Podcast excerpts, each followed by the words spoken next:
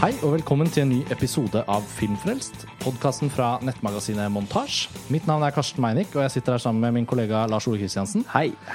Og vår gjest i denne spesialepisoden, Roskva Koritsinski, forfatter. Eh, Du debuterte med novellesamlingen Her inne et sted i 2013, og kom med din første roman 'Flammen og mørket' fra Aschhaug i september 2015. Velkommen til Filmfrelst. Tusen hjertelig takk. Romanen din handler jo om en filmkritiker, så vi har tullet med at det er grunnen til at du er her. Men det er jo ikke bare grunnen til at du er her. Vi, eh, vi kjenner jo også til din eh, lidenskap for film, og at du også har hørt en del på Filmfrelst. Og det har liksom passet veldig godt å invitere deg. Og endelig har vi anledningen. Takk for at du er med. Takk for at jeg fikk komme. Vi skal snakke om Steve Jobs. Den nye filmen til eh, Danny Boyle, som selvfølgelig handler om Steve Jobs. Apples ikoniske ja, hva skal vi kalle han? Sjef? Megasjef? Eh, som gikk Megasjef, rett og slett. Megasjef, ja, men det passer jo litt med filmen. da. Som døde av kreft eh, for noen år siden. Og, um, og det ble jo laget en film om Steve Jobs med Ashton Kutcher i hovedrollen, som virket så dårlig at jeg aldri så den. Men, men livet hans og hans personlighet har jo, ut fra hva man har hørt anekdoter og sett og tenkt, egnet seg veldig for å bli liksom, laget en film om. Men så tenker man jo alltid sånn biografifilmer. Lars Ole, vi snakker jo ofte om det. Man grøsser ved tanken, på en måte. Ja, altså sånne biografifilmer fra A til Å med Uh, som, som kronologisk følger en kjent person gjennom så å si hele livet, jo, blir jo veldig sjelden spennende filmfortellinger. Syns jeg, i hvert fall. Enig. Og, og heldigvis så følte jeg at da denne adaptasjonen av Walter Isaacsons biografiske bok om Steve Jobs uh, ble offentliggjort, så var det ladet med sånn følelse at kan dette bli en av de store, eh, bra biografifilmene? Fordi Aaron Sorkin skulle skrive manuset, eller hadde skrevet manuset.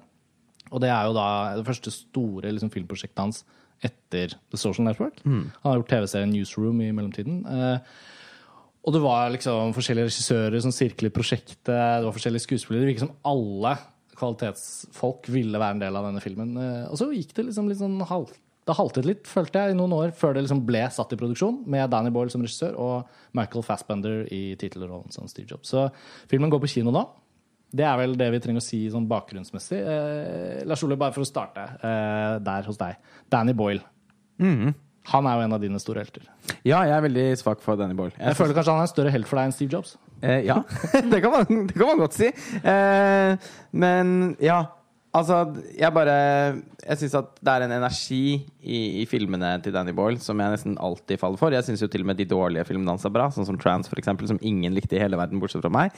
Eh, og så syns jeg også eh, jeg, jeg er jo Sunshine og, og Millions og, og 127 timer er jo filmer som, som jeg er veldig opptatt av. Jeg synes at han Det er noe med at eh, jeg alltid føler at Danny Boyle blåser så mye sånn liv inn i de historiene han velger å fortelle. Og han bruker alltid så mange forbløffende og, og originale filmatiske grep for å, for å ja, som jeg sier, liksom levendegjøre fortellingen. hans. Han hopper jo også mellom veldig mange forskjellige sjangere. Og han, jeg føler nesten aldri at han gjentar seg selv. En, en ny Danny Boyle-film er liksom alltid også noe nytt. da.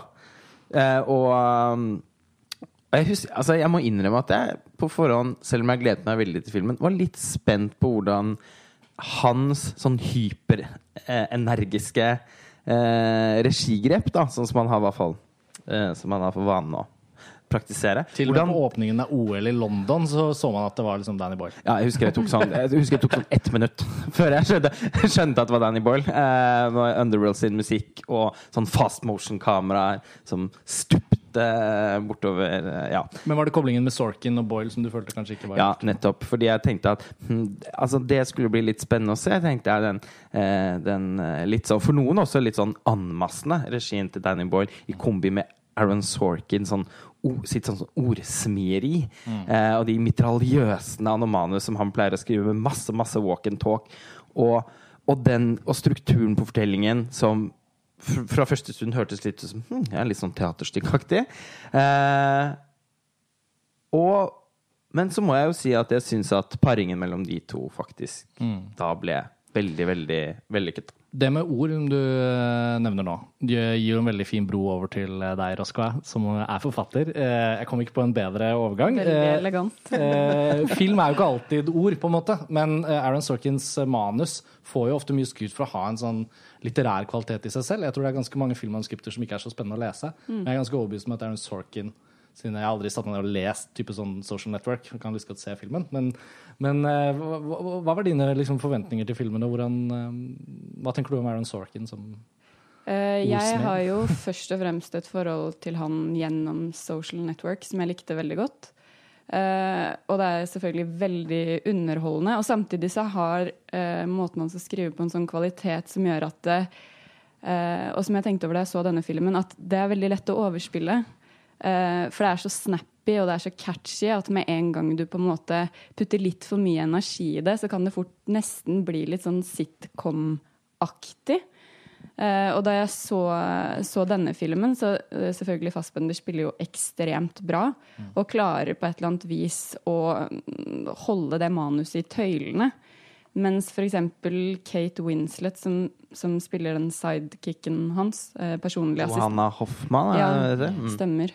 Det, det får jeg litt større problem med, fordi hun, er en sånn, hun har en sånn teaterskuespillerkvalitet over seg, som gjør at, eh, at også manuset framstår som litt over the top. Da. Så jeg, jeg ser for meg at det er en tekst det er vanskelig å spille uten at, den, uten at det blir en farse, da, på et eller annet vis. Jeg tenker det er interessant uh, Sammenligning med Social Network og er jo også en sammenligning mellom to regissørers måte å gjøre Aaron Sorkin på. Eh, og Vi har alle hørt anekdotene om David Fincher som på 95. tagning Der har vi den! OK, takk. takk. Og så, og så på Gone Girl, som jeg har ofte bare vært helt svimmel av, som klipper, da. Hvor det er eh, et sånt to, toskudd av to skuespillere ved siden av hverandre, hvor Fincher har lagt på en digital effekt og brukt to forskjellige tagninger. Hvor de Sånn at mellomrommet mellom replikkene i samme bilde blir for kort. Altså sånn, Hans sinnssyke detaljorientering som regissør av disse ordene, som nettopp er så vanskelig, å, som du er inne på. Jeg, jeg skjønner innvendingen din for så vidt, for Danny Boyle har på en måte Du føler ikke på den litt sånn kliniske regien som David Fincher gjør her i denne filmen. Det er litt sånn røffere altså, det, Jeg opplever jo egentlig at The Social, Network og Steve Jobs er veldig forskjellige filmer. Også for Aaron Sorkin sin del, eh, selv om det blir vanskelig Altså, når Aaron Sorkin har skrevet et manus om Mark Zuckerberg, og nå skriver et manus om Steve Jobs, er det vanskelig å ikke sammenligne de filmene, to filmene på en eller annen måte. Men Social Network er jo en coming of age-film og med et annet liksom, temperament. Eh, men Steve Jobs følte jeg Den minnet meg mye mer om The West Wing, eh, som, som jeg har sett en del episoder av, og som, hvor denne walk and talk-stilen hans er veldig dominerende. Og det er den i Steve Jobs òg. Det er jo ufattelig mange, eller nesten alle scenene, hvor det er en eller to karakterer i bildet som går bortover og prater. Ja, jeg så et intervju med Danny Boyle på YouTube eh, tidligere i dag, faktisk.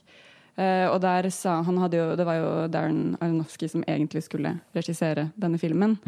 Eh, og han, Aronofsky, han, Han også. Mm. Så både Fi og Fincher skulle også ja, og. Fincher. Så han var på en måte tredjemann, tror jeg, som tok over den stafettpinnen. Og hadde da veldig respekt for disse to som tidligere hadde vært involvert i prosjektet. Mm. Men han, han kommenterte akkurat det du sier nå, med at i Social Network så fins det knapt en scene der noen går. Altså alt foregår over et bord. Det er en sittefilm. Mm. Ja, det er og han sant, det er lagde sittefilm. denne filmen som dette skulle være gå-filmen. så neste film blir kanskje da liggefilmen. Altså, hvem vet? Men uh, han gjorde i hvert fall et poeng ut av det. At det, det fins vel knapt et bilde i den filmen hvor Steve Jobs faktisk sitter ved et bord. Eh, han de- går konsekvent gjennom hele Ja, det er veldig sant. Ja, det er interessant. Jeg Og det bidrar til liksom bevegelsesenergien i filmen, som igjen er noe veldig boilsk. Da kanskje er det nettopp det, det som er hans inngang til prosjektet òg. Uh, fordi han kunne Jeg tror Danny Boyle kunne laget en film inni en fyrstikkeske Men han har hvis han nesten, hadde lyst. Men han har jo nesten gjort det. Altså 127 timer som handler om en mann som setter fast armen i en, en fjellknaus, eller hva vi skal kalle Ja. det, i en grotte. Den føles jo som en film full av bevegelse. Ja. Sånn jeg husker den nå. Ja, det, det, Eh, Så tenker jeg på den som en film full av bevegelse. Ja, så det er jo en så helt spesiell evne han har. Men det er jo på en måte så sånn På tross av at jeg liksom satt og tenkte over hm, han og Sorkin Det blir spennende. Men så, så etter å ha sett filmen, etter å ha tenkt litt mer over det, så tenker jeg ja, det var jo egentlig litt sånn en match in heaven. Fordi eh, Sorkin sine manus er eh, For det første, som du er inne på, Roskva, så er det det, det, er en- det det er veldig avhengig av at skuespillerne liksom klarer At den dialogen sitter godt i munnen på skuespillerne. Og den er ikke nødvendigvis så lett å få til å fremstå tro- troverdig, for det er ingen som snakker sånn som Nei, Aaron Sorkin skriver. skriver. Men Bortsett fra eh, filmkarakterer som lykkes med å gjengi det. For det er så rart. Jeg syns Aaron Sorkins replikk, eller ordsmiri, eller hva vi skal kalle det, på sitt beste i de filmene, så føles det så sinnssykt realistisk. Jeg synes Det er like forbløffende hver gang jeg tenker på Social Network. At liksom en så egentlig sånn stilisert Og jeg har ikke tenkt på det før vi snakker om det nå, men så sitte ned-film. Og så også liksom så strukturelt sett ganske sånn omflakkende film. Føles så realistisk. Når jeg tenker på liksom, når jeg leser om Mark Zuckerberg, hvis det er noe med Facebook ikke sant, i avisene, så ser jeg fortsatt Jesse Eisenberg for meg. Mm, jeg jeg hører hører også liksom ordene og den uh, greia der. Jeg tenkte på en ting Roska, som vi snakket om i stad. Eller sånn strukturen også i denne teksten. Eh, Det er ikke bare liksom teksten og ordene. Og, og jeg syns det er interessant å trekke inn da din erfaring som forfatter. altså At man sitter med, med en tekst som skal finne plass mellom disse to permene. Det er forskjellige kapitler, plutselig kan man flytte om på ting. Og det er jo vel så mye omflytting av ting sikkert i en uh, roman. I hvert fall hvis den er noenlunde liksom, formmessig opptatt av at språk kan være språk. Det trenger ikke bare være en lineær fortelling. Og her så har man ok, et helt liv, en hel person, Steve Jobs, men filmen foregår i tre liksom, etapper eller tre kapitler fordelt over Hva syns du liksom om det valget der, og, og, og at vi forholder oss bare til disse lanseringene? Uh, nei, jeg syns det fungerte uh, veldig godt. Jeg syns det var befriende på et eller annet vis å, å tilnærme seg altså en, en biografisk skikkelse. Og tørre å ta det valget. Da. Eh, i, altså det trekkes inn at han har vært adoptert, men, men det legges veldig lite vekt på alt som har skjedd før og etter. Eh, og så bærer det allikevel. Eh, og jeg kan ikke sette helt fingeren på hvorfor det bærer, men jeg, jeg syns det fungerte eh, veldig bra. Eh, ja. det er liksom noe med å det, det er bare sånn, noe så enkelt som at det er et lite brudd med forventningene som man har til en sånn type biografifilm. Da. Eh, og jeg syns at det er egentlig ganske forbløffende synes jeg, hvor godt de lykkes med å fange opp veldig mye. I, gjennom bare Det er på en måte tre scener fra Steve Jobs liv. Filmen er jo da basert på denne biografien til Walter Isaacson, eh, som er veldig, veldig anerkjent, eh, og som, som, som jeg vet at veld, veldig mange har lest, med, med stor appetitt. Og samtidig så var det, sånn som jeg skjønte, sånn at eh, Aaron Sorkin og Steve Jobs hadde en slags felles Altså de beundret hverandre. Jeg tror Steve Jobs sannsynligvis var fan av West Wing. Uh, og, og at de kom i kontakt, og at uh, Steve Jobs ønsket at Aaron Sorkin skulle hjelpe ham å skrive en tale som han skulle holde. En av de mest kjente talene hans for et universitet. Jeg husker ikke hva det heter. Uh, men så ble det av en eller annen grunn så ble det, ble det ikke til at Sorkin faktisk skrev talen. Men eh, det ble jo en av Steve Jobs mest kjente, eh, som, hvor han forteller tre historier fra livet sitt. Og det var visst det som inspirerte strukturen i filmen. Selv om alt, liksom, alt det biografiske materialet er hentet fra Walter Isaacson sin bok. Men sånn som jeg skjønte, så er det også gjort noen kunstneriske friheter i Altså Én ting er jo at alle disse eh, dramatiske tingene som skjer en halvtime før hver lanser- produktlansering, er jo ikke det er jo, Forte- Fortettet fortelling, kan man kanskje si. Ja, og at barnet plutselig dukker opp på kontoret. Altså, selvfølgelig. Det er, eh, det er jo mye som eh, puttes inn i disse eh, egentlig ganske kliniske scenene. Altså, Ja.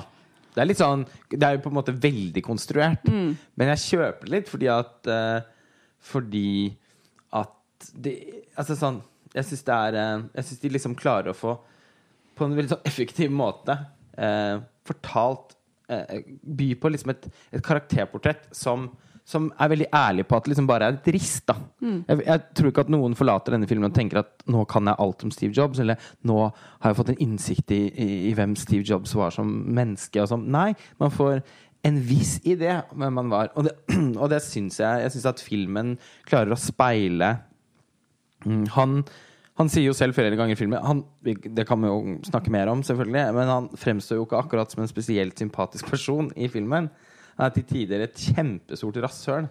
Eh, og, og han er veldig vanskelig å like. Syns jeg, i hvert fall. Samtidig så jeg, kjenner jeg virkelig at jeg får respekt for han. Og det er, jo, det er jo I filmen også så sier han jo det at han ikke er noe opptatt av å bli likt, men at han har et sterkt behov for å bli respektert. Eh, og akkurat det syns jeg filmen lykkes med. Eh, så sånn sett syns jeg den på en litt sånn forbløffende måte eh, føles liksom som den er litt i hans ånd. Jeg tenkte litt over det, fordi som vi har snakket om, så blir det jo veldig naturlig å sammenligne denne med eh, Social Network. Eh, og der får vi jo et større innblikk i hvem eh, Mark Zuckerberg er. Eh, samtidig så føler jeg på et eller annet vis at Steve Jobs kommer bedre ut av det enn det Mark Zuckerberg gjør.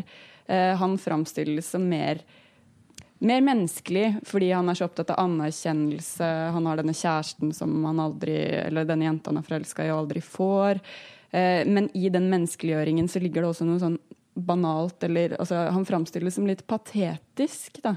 Som en streber, på et eller annet vis. Mens Steve Jobs kommer jo ut av dette som en, ja, en visjonær og en kunstner, og en som først og fremst er opptatt av det han driver med, da. Eh, og det er akkurat som om det er lettere å akseptere Eh, man får nesten ikke behov for å unnskylde at han er en kjip fyr engang. Man bare trekker på skuldrene og tenker at ja, men sånn var han, og han lagde fantastiske ting, da. Eh, ja. Ja, ja det syns jeg òg. Jeg syns at filmen eh, man, eh, man tenker at ja, men det var det, den, den lille ubehaget han klarte å skape hos enkelte, ja, det var det verdt. Eh, og han er så kompromissløs på to ting i filmen som jeg syns er fascinerende. Han er veldig kompromissløs på Han har en ideologi. Han skal menneskeliggjøre datamaskinen. Personal computing skal bli mer personal. Uh, den, filmen begynner jo med et intervju med Arthur C. Clarke, som snakker om 2000, altså forfatteren av 2001, en romodyssé. Og det settes jo som en sånn kontrast til at datamaskiner på en måte har vært sånn science fiction, og noe vanlige folk ikke blir sånn redde omtrent hvis de kommer i nærkontakt med. Eh, og han er jo da, eh, under denne første lanseringen av, av Macintoshen Macintoshen i 1984, så sier han It needs to say hello! Hello! Ja. Han skulle hatt eh, Adele der. Da tror jeg det hadde blitt en litt mer vellykket lansering. det tror jeg òg. Men men det Men den er jo veldig fascinerende, den. Det, for det er jo sånn vi også blir kjent med han som rollefigur. Da. Si at du går inn og ser denne filmen uten å vite noen ting om Steve Jobs egentlig, og liksom ikke og Aiden Mac og egentlig ikke bryr deg så veldig, men du vil bare se en bra film.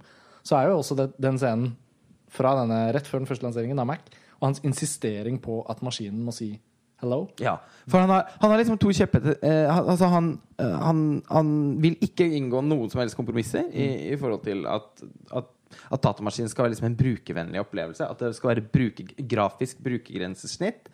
Eh, alle disse tingene som er genuin, altså innovasjoner da, som han kommer med, og som har preget all personal computing i ettertid. Og, og at han er opptatt av at det skal være et sluttet system. Eh, som jo eh, hindrer ham fra suksess i veldig, veldig, veldig mange år. Men det virker også som, og det føler jeg liksom er den andre tingen som, uh, som, er, som er veldig fascinerende med han, og sånn som han fremstår i filmen, at han, han har liksom Han har mye tid. Jeg føler at han liksom at, at han alltid er så tålmodig på at OK, ja, men da venter vi. Ja, sånn som den Next-maskinen. Jeg kjenner ikke til historien annet enn gjennom filmen. Men der går det jo ti år fra han lanserer denne ganske mislykkede datamaskinen som skal brukes i undervisning osv. Så man blir altfor dyr, så ingen vil kjøpe den. Og det gjør han, og han vet allerede at, han, at eh, Apple vil bli nødt til å kjøpe opp hans eh, hva heter det, operativsystem. Og det tar ti år før det skjer, men det skjer, da. Så han er en eh, tålmodig fyr. Men, også der, men også der føler jeg at filmen har liksom tatt i bruk sin makt da, til å si ok, greit, det fins en biografi, han levde livet sitt på den måten, det fins masse, alle faktaene er tilgjengelig, alle Steve Jobs-nerdsene kan liksom De kan dyrke det, men her skal vi lage en film. Hvordan gjør vi dette? Sånn som for deg, Roska, og for meg også. Jeg har aldri satt meg ordentlig inn i de prosessene. Jeg har hørt mange av anekdotene, og man husker liksom, har sett Ridley Scotts reklamefilm og sånn og sånn. Men filmen gjør det. Den sier ok, greit, nå skal vi komprimere, nå skal vi fortette. Og i løpet av denne filmen så skal vi på en måte formidle emosjonelle og på en måte faktabaserte sannheter som gjør at vi som da setter oss ned og bare ser denne filmen, skal få et ordentlig bilde, et tredimensjonalt og humanistisk på en måte bilde av en fyr som ikke alltid var så veldig menneskelig med de han var omkring. da. Og, og jeg syns også det at, det at den liksom på veldig kort tid bare stadfester sånne ting. Den er delt i tre kapitler, og mellom kapitlene så skjer det sinnssykt mye i små montasjer. Og dette skjedde, og dette skjedde, og dette skjedde. Og, det, og nå har de, Apple har kjøpt opp Next, og nå er Steve Jobs tilbake ved roret, og sånn og sånn. Og sånn. Og så, bam, lanseringen av eh, den første iMac-en, er det vel. Hva het den igjen? Jo. Jo, iMac-en. Ja, Mm, den 90 grønne- I 1998. Den som ser ut litt som en sånn kvadratisk agurk, eller hva man skal kalle det. Kvadratisk agurk. Ja, men sånn. Hvis du har tatt av det grønne, mørkegrønne skallet på en agurk, det føles litt sånn. Hva er det hun datteren sier det ser ut som? Sånn derre Det var noe morsomt. Ja, sånn bakemaskin for Ja, sånn, barn. ja, Eh, sånn derre lekemikrobølgeovn. Ja. Jeg husker jo, og det, og det er jo det tidspunktet i filmen hvor jeg tror de fleste fra vår generasjon får en sånn Åh, ja, den husker jeg. Jeg husker de som hadde den. Eller jeg husker på biblioteket så var det én sånn maskin, og alle som klynget seg rundt og prøvde å få testet den og sånn. Men um, Jeg trodde du mente at alle hadde en sånn Ja, så lekemikro. Lekemikro, ja. ja. Sånn var det hos meg. Nei, men det, En ting jeg vil frem til, er, er en annen dimensjon av filmen som vi ikke har kommet inn på ennå. da, Som jeg syns faktisk forankrer den veldig sånn Som gjør den litt en hjertefilm for min del. i hvert fall. Og det er at jeg syns eh, både Sorkin i teksten, men også Danny Boyle Og der tror jeg vi, filmen har veldig bruk for at det er Danny Boyle. da, Får noe skikkelig fint ut av den far-datter-fortellingen. Mm.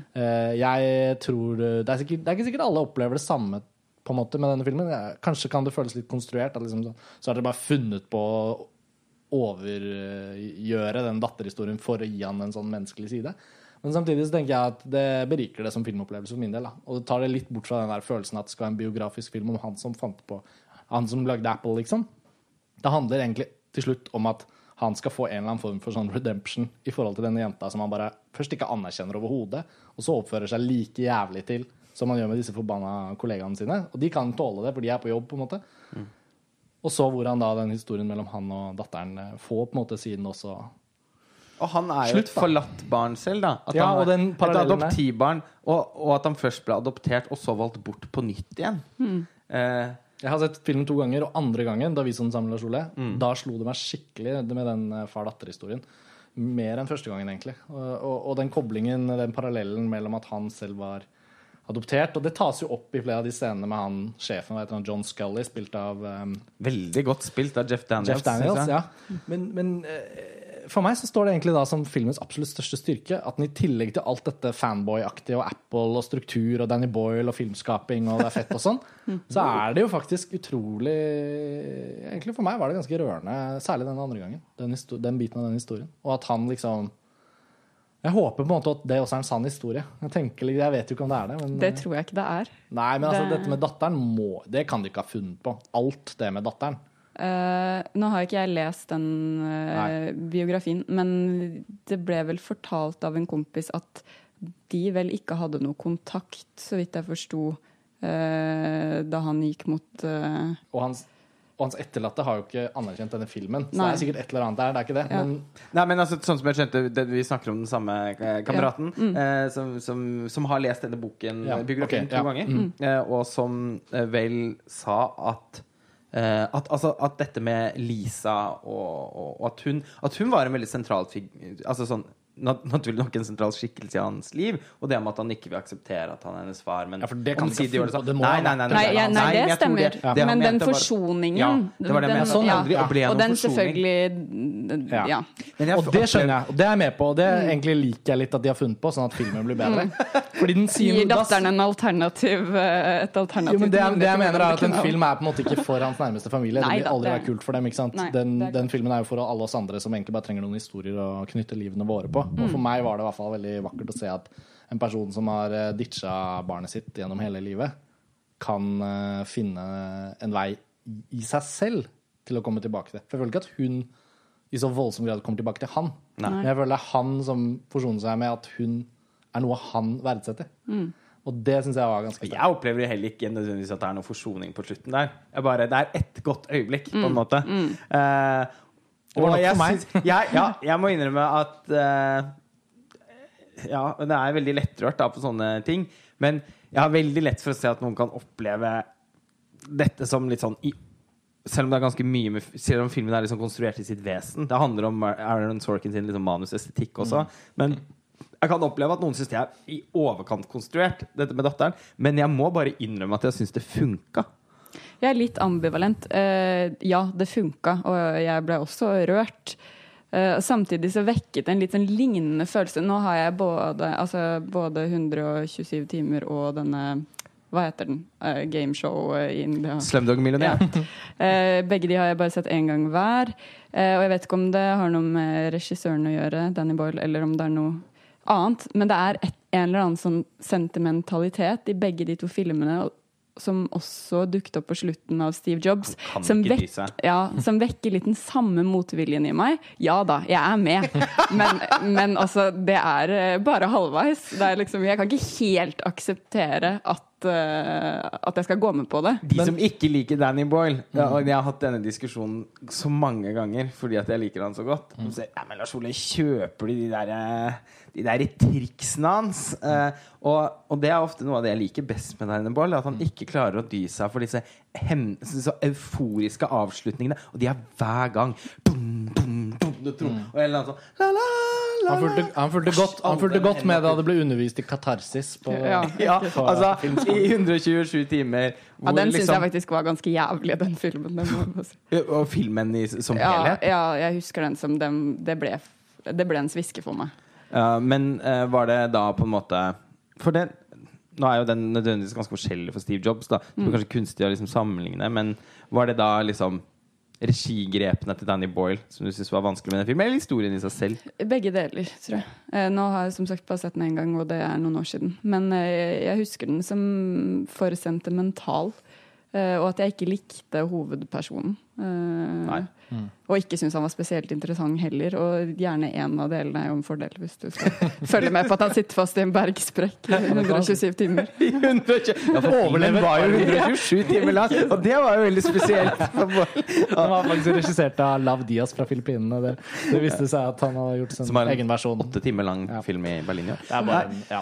Uh, ja, jeg syns jo 127 timer kanskje er den beste filmen til Danny Boyle, men eh, nå skal vi ikke Nei, for det er du litt alene om i blant oss tre, tror jeg i hvert fall. Eh, Mm. Selv om jeg liker den da litt bedre enn deg. Men eh, jeg har jo aldri hatt Jeg har aldri blitt skikkelig fristet til å returnere til 127 timer og virkelig sånn finne Finne ut hva det er Lars Ole har sett, som ikke jeg så. Ja, det var, film det var først på tredje-fjerde runden at den virkelig tikka inn hos meg. Så det er eh, Men en film jeg virkelig, virkelig kjenner at uh, har vokst voldsomt de siste årene, er faktisk 'Sunshine'. Uh, som, en, som selvfølgelig var en ganske suksessfull film da den kom, men jeg føler den har så liksom blitt litt sånn havnet litt i bak, bakleksa. Kanskje etter 'Interstellar', hvor jeg ble sånn ah, Vi må ikke glemme hvor bra 'Sunshine' er. Nei, det er kjempebra. så jeg holder Danny Boyle ganske høyt, jeg må si det. Men jeg syns faktisk også at, at da jeg så Steve Jobs første gang, så ble jeg ble sånn Oi!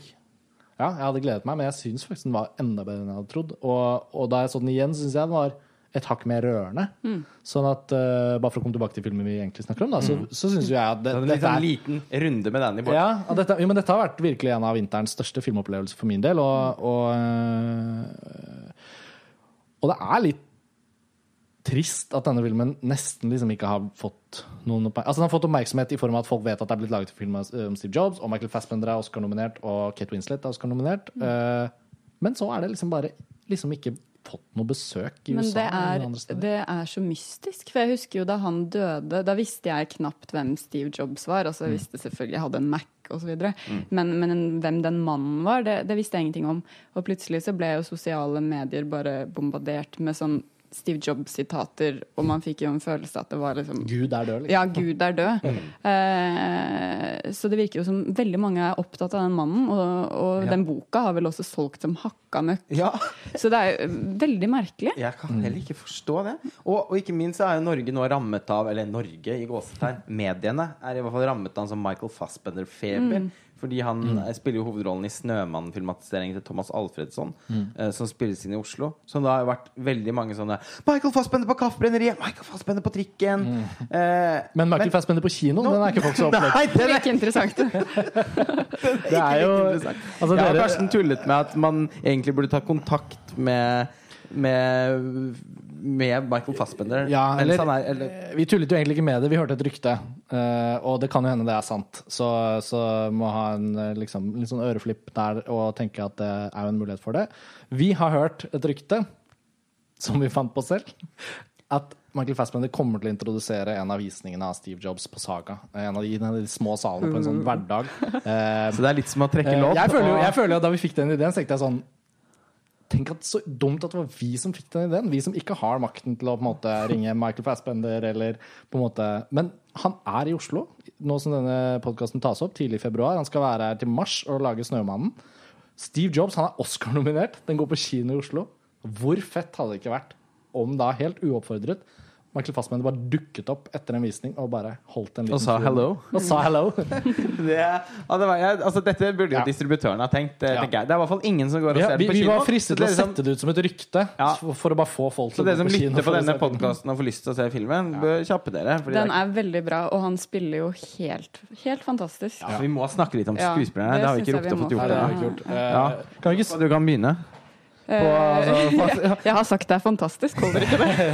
Det er det, det er det beste Det er det viktige adjektivet å få sagt når du er eh, på filmfrelst for Ja, første gang. ja. Så, liksom, så har du sagt ord. fantastisk. Ja. Eh, Da har du sagt store skal, skal vi jeg sagt- si Det er et mesterverk.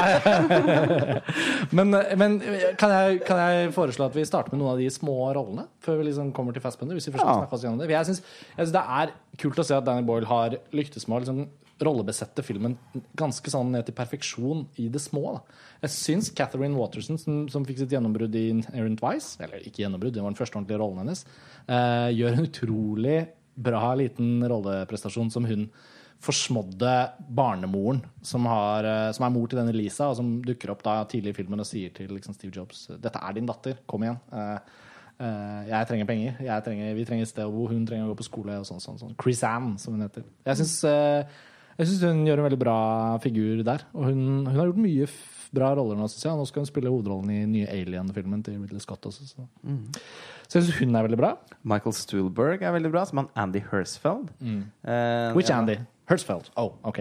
Ja, han er veldig bra. Ja, veldig bra. Og som passer jo selvfølgelig Veldig godt kastet, da. Ja. Men er ikke alle det? Jeg syns det var Jo. jevnt over. Jeg syns jo Kate Winslet gjør en helt utmerket rolleprestasjon. Eh, Du er ikke helt enig, i Roskvarmen? Nei, altså, jeg, jeg skal ikke sitte her og si at Kate Winslet er en dårlig skuespiller. Altså. Det er nå du har så høye er tanker ok, ok, hun er en dritdårlig skuespiller. Uh, nei, så høye tanker har jeg ikke om uh, min egen evne til å vurdere andres uh, ja, evne til å spille teater. Men jeg syns hun har en sånn kvalitet ved seg som går på mimikken og som går på stemmen hennes. At hun, jeg syns hun passer helt perfekt inn i sånn type historiske filmer. Altså, hvor det er et slags gammeldags sus, da, i mangel på et mer presist eh, begrep. Eh, Fornuft og følelser, Titanic, eh, Ja, eh, for eksempel. Sorte engler.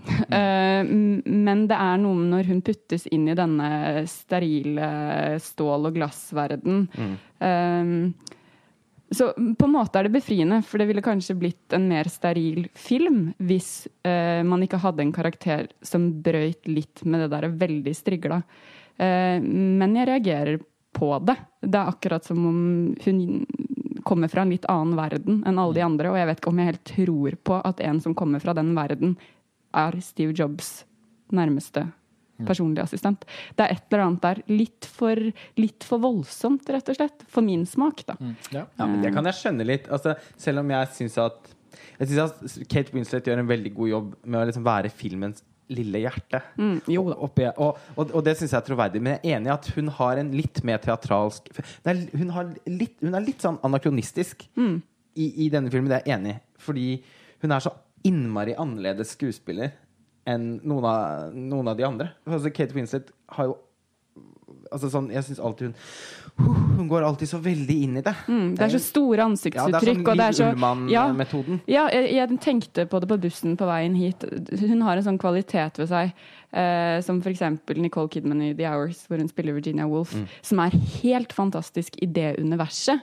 Eh, som grenser over til at det kunne vært satt på en scene.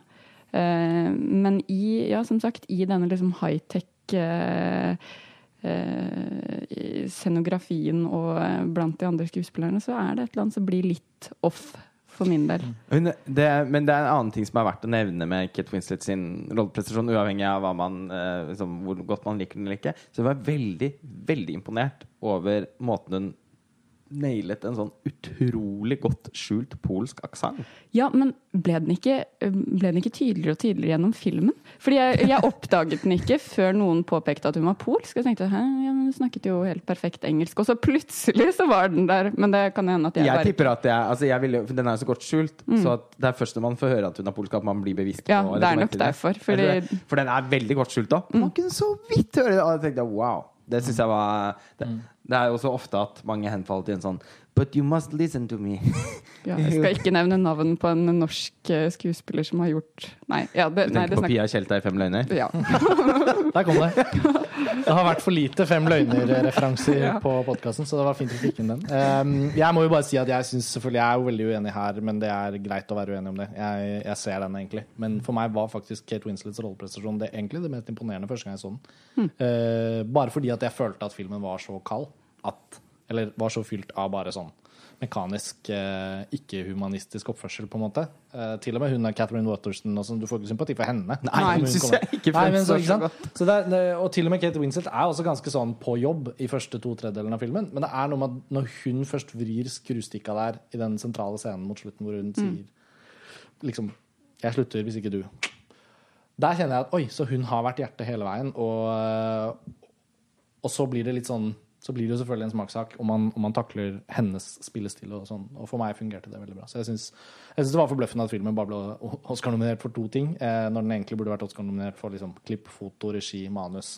Dette, jeg jeg syns dette er så forbløffende. Jeg kan ikke få sagt det. Komposisjon, altså Musikken er jo fantastisk. Daniel Pemberton. Så, liksom, Men det må ha klikka for Oscar-akademiet. Altså, nå er det, det, det kan, sier vi i og for seg hvert eneste år, men Mm. jeg har i hvert fall nå liksom uh, uh, t- Ja, jeg har liksom forsonet meg litt med at de liker sånne sviskete dramaer om, om, om, om Som regel basert på sanne historier og, og sånn, som ofte ikke er sånn Som filmmessig er ofte ganske uinteressante. Det, ja, ok, det er liksom Oscar. Men i år så er liksom favoritten er The Big Short. En utrolig merkelig, anmasende eh, total, en, film sånn totalt blottet for noen følelser. Eh, som er selvfølgelig veldig relevant. eh, Finanskrise. ja, altså jeg, jeg ser at den, at den virker litt annerledes i Amerika enn det den gjør for meg. Men eh, Men så har man en film som liksom Steve Jobs, som er en biografifilm om en berømt person. Men som liksom huka på alt Oscar-vennlig. ja, og så I tillegg så er den orgin, så originalt gjort innenfor den sjangeren. Og den ville vært min, den ville vært min Oscar-favoritt i mange sjangere. Klipp eh, og, og, og manus. Adapterte manus, ja. Uh, altså at den ikke er nominert for det. det er sånn om de bare viser fingeren til Aaron Sorkin og sier sånn Du har fått Ja. Gi noen andreplassen i år. Men det blir jo også så idiotisk hvis man skal ha en sånn kvalitets... Uh... Jeg bare, og, og jeg, men jeg syns jo dette manuset er såpass annerledes enn The Social Network. Jeg syns ikke det er på noen som helst måte han gjør det samme igjen. Eh, og, og, Danny Bo og jeg syns filmen er virkelig godt regissert, og jeg syns den, den demonstrerer eh, hvor god Danny Boyle er. Altså, han Man kan alltids liksom diskutere kvaliteten på materialet han jobber med. Denne gangen jobber han med et veldig bra materiale òg. Men så sa han Slumdog Millionaire er Nei, trans, so. Nei, svakt. Eh, det skal vel også si at man kunne sikkert også skrevet ned liksom, historien i, i, i Slumdog Millionaire på baksiden av en tyggegummipakke. Eh, den er jo også utrolig banal og egentlig fullstendig uinteressant som fortelling. Men herregud, for, en, for, no, for, for noen sekvenser den filmen har. Jeg blir jo glad bare av å tenke på den. Eh, åpningen på Slumdog Millionaire tror jeg jeg har sett sånn sikkert 40 ganger. Bare for liksom komme i humør. Det er som en sånn popvideo. Ja, for meg er det det. Eh, og egentlig veldig underlig at Danny Boyle ikke har regissert flere musikkvideoer. Men, eh, men han Men han er liksom Han, han bidrar alltid liksom med å, å, å ja, som jeg sa tidligere på podkasten, virkelig blåse liv i et fiksjonsunivers. Ja, Og, og her syns jeg også ja, men, her, men, her, liksom. men her er han også veldig nedtonet i forhold til det han pleier. Han legger seg også liksom, Han tar to skritt tilbake. Han skjønner at denne filmen handler om skuespillerne og om, om dialogen.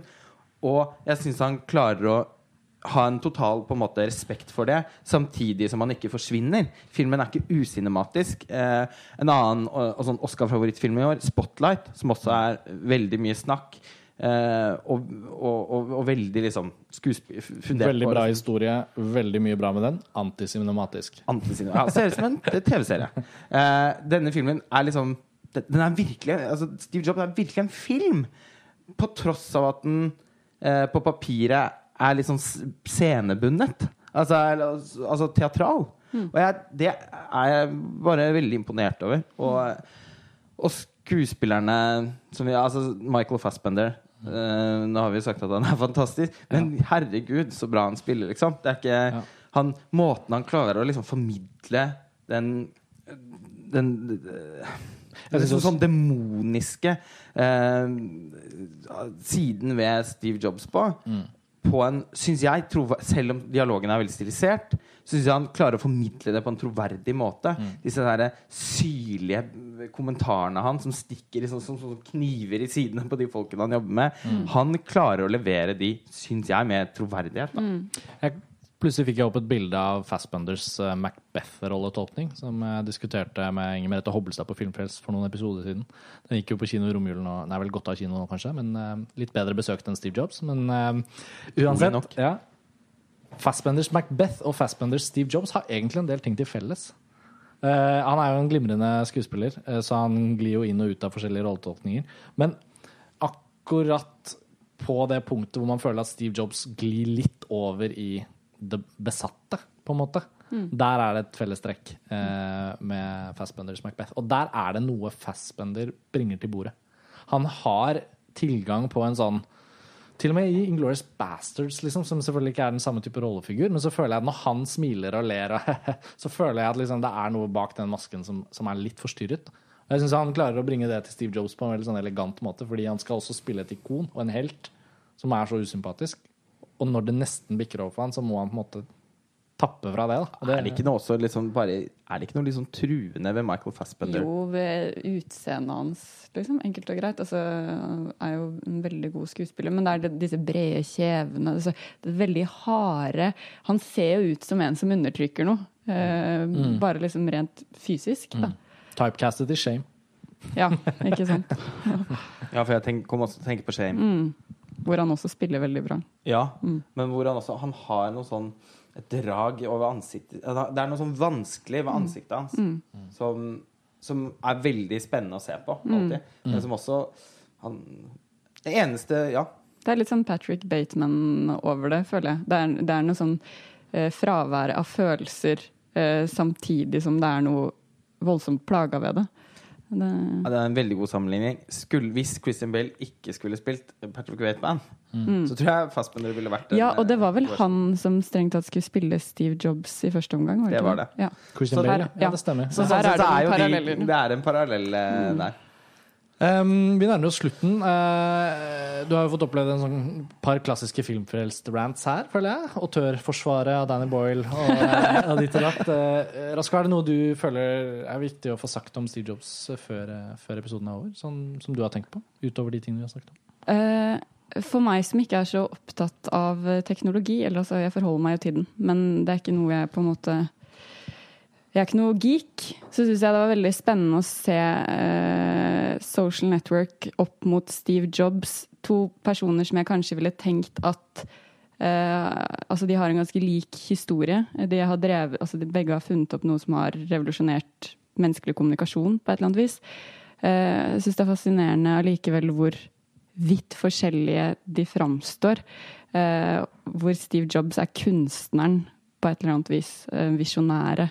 Eh, og Mark Zuckerberg er nerden. Og det er et eller annet som Jeg vet ikke om jeg har så mye fornuftig å si om det, men jeg syns det var veldig spennende å se to personer som, eh, som er gründere, og som har drevet det så langt. Hvordan regissøren har klart å fange en sånn arketype da, i hver og en av dem, som virkelig gjør at de framstår som ja, to vidt forskjellige mennesker. Da.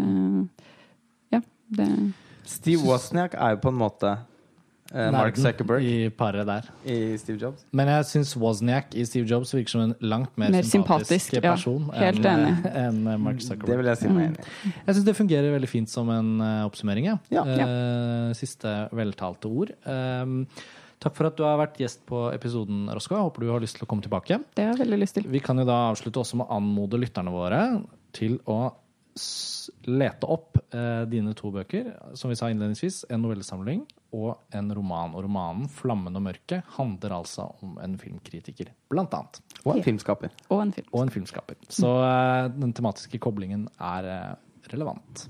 Lars Ole, takk for denne gang. Takk for nå. Og takk til alle dere som lytter. Vi høres igjen veldig snart. Ha det bra. Ha det. Ha det.